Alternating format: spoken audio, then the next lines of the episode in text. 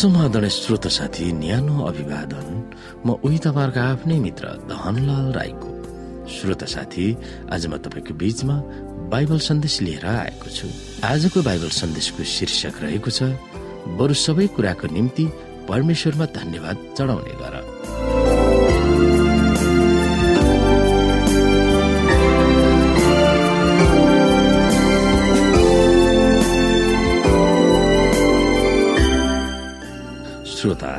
यसुलाई विश्वास गर्नेहरू कसैको होइन?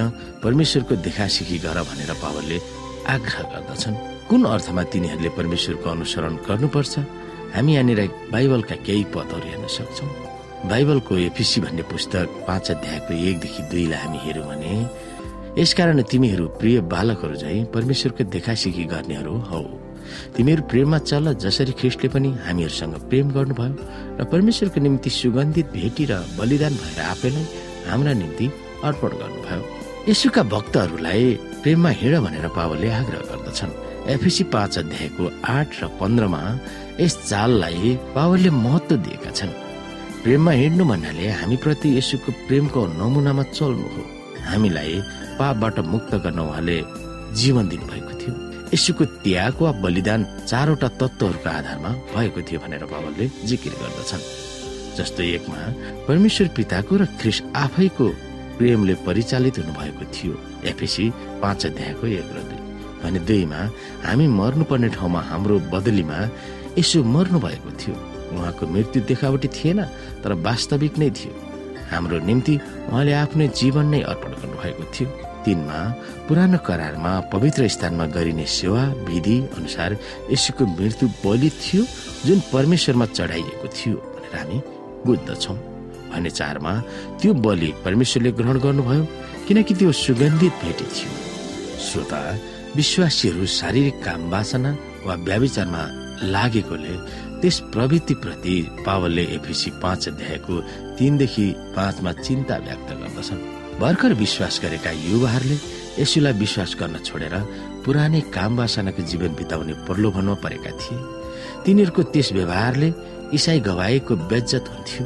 तत्कालीन पहिलो शताब्दीको ग्रिक र रोमी साम्राज्य वा सभ्यतामा नैतिक भ्रष्टाचार र काम वासनाको विलासी जीवनलाई समाजले मान्यता दिएको थियो।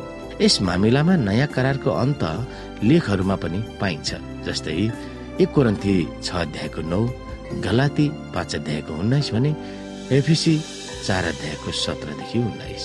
धनीहरूको भोज भतेरमा मानिसहरूको गति कस्तो हुन्थ्यो भनेर पावलले एफिसी पाँच अध्यायको तिनदेखि चौधमा पनि किटानी गरेका छन्।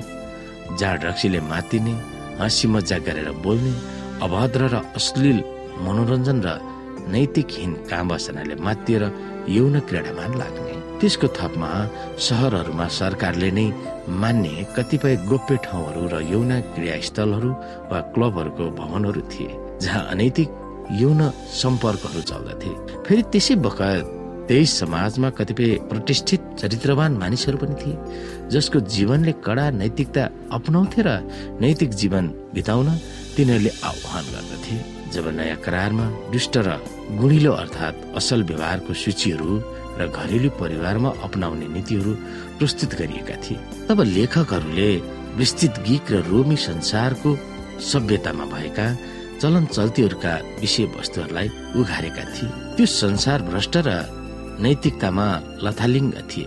अन्य जातिको समाजले नै मान्यता पाए तापनि विश्वासीहरूले अनैतिक व्यवहार नगर्न पावलले अर्ती दिन्छन्।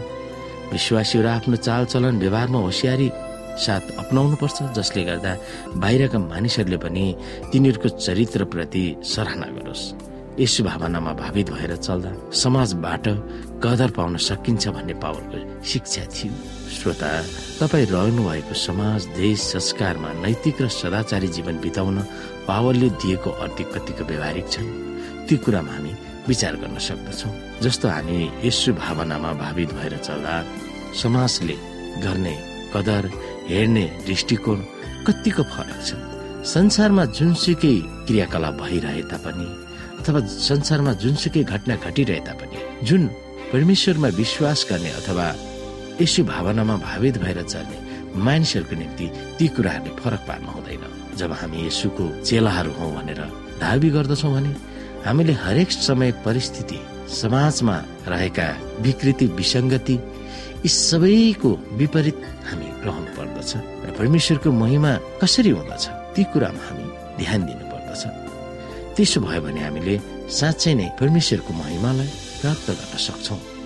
अन्यथा हामी संसारिक जीवन भोगविलासमा बिताउँछौँ भने अथवा हाँसी मजाकमा आफ्नो जीवनलाई उडाउँछौँ भने हामीले अवश्य पनि परमेश्वरको राज्यलाई प्राप्त गर्न सक्दैन। तिनी कुरामा हामी विचार गर्न सक्दछौँ।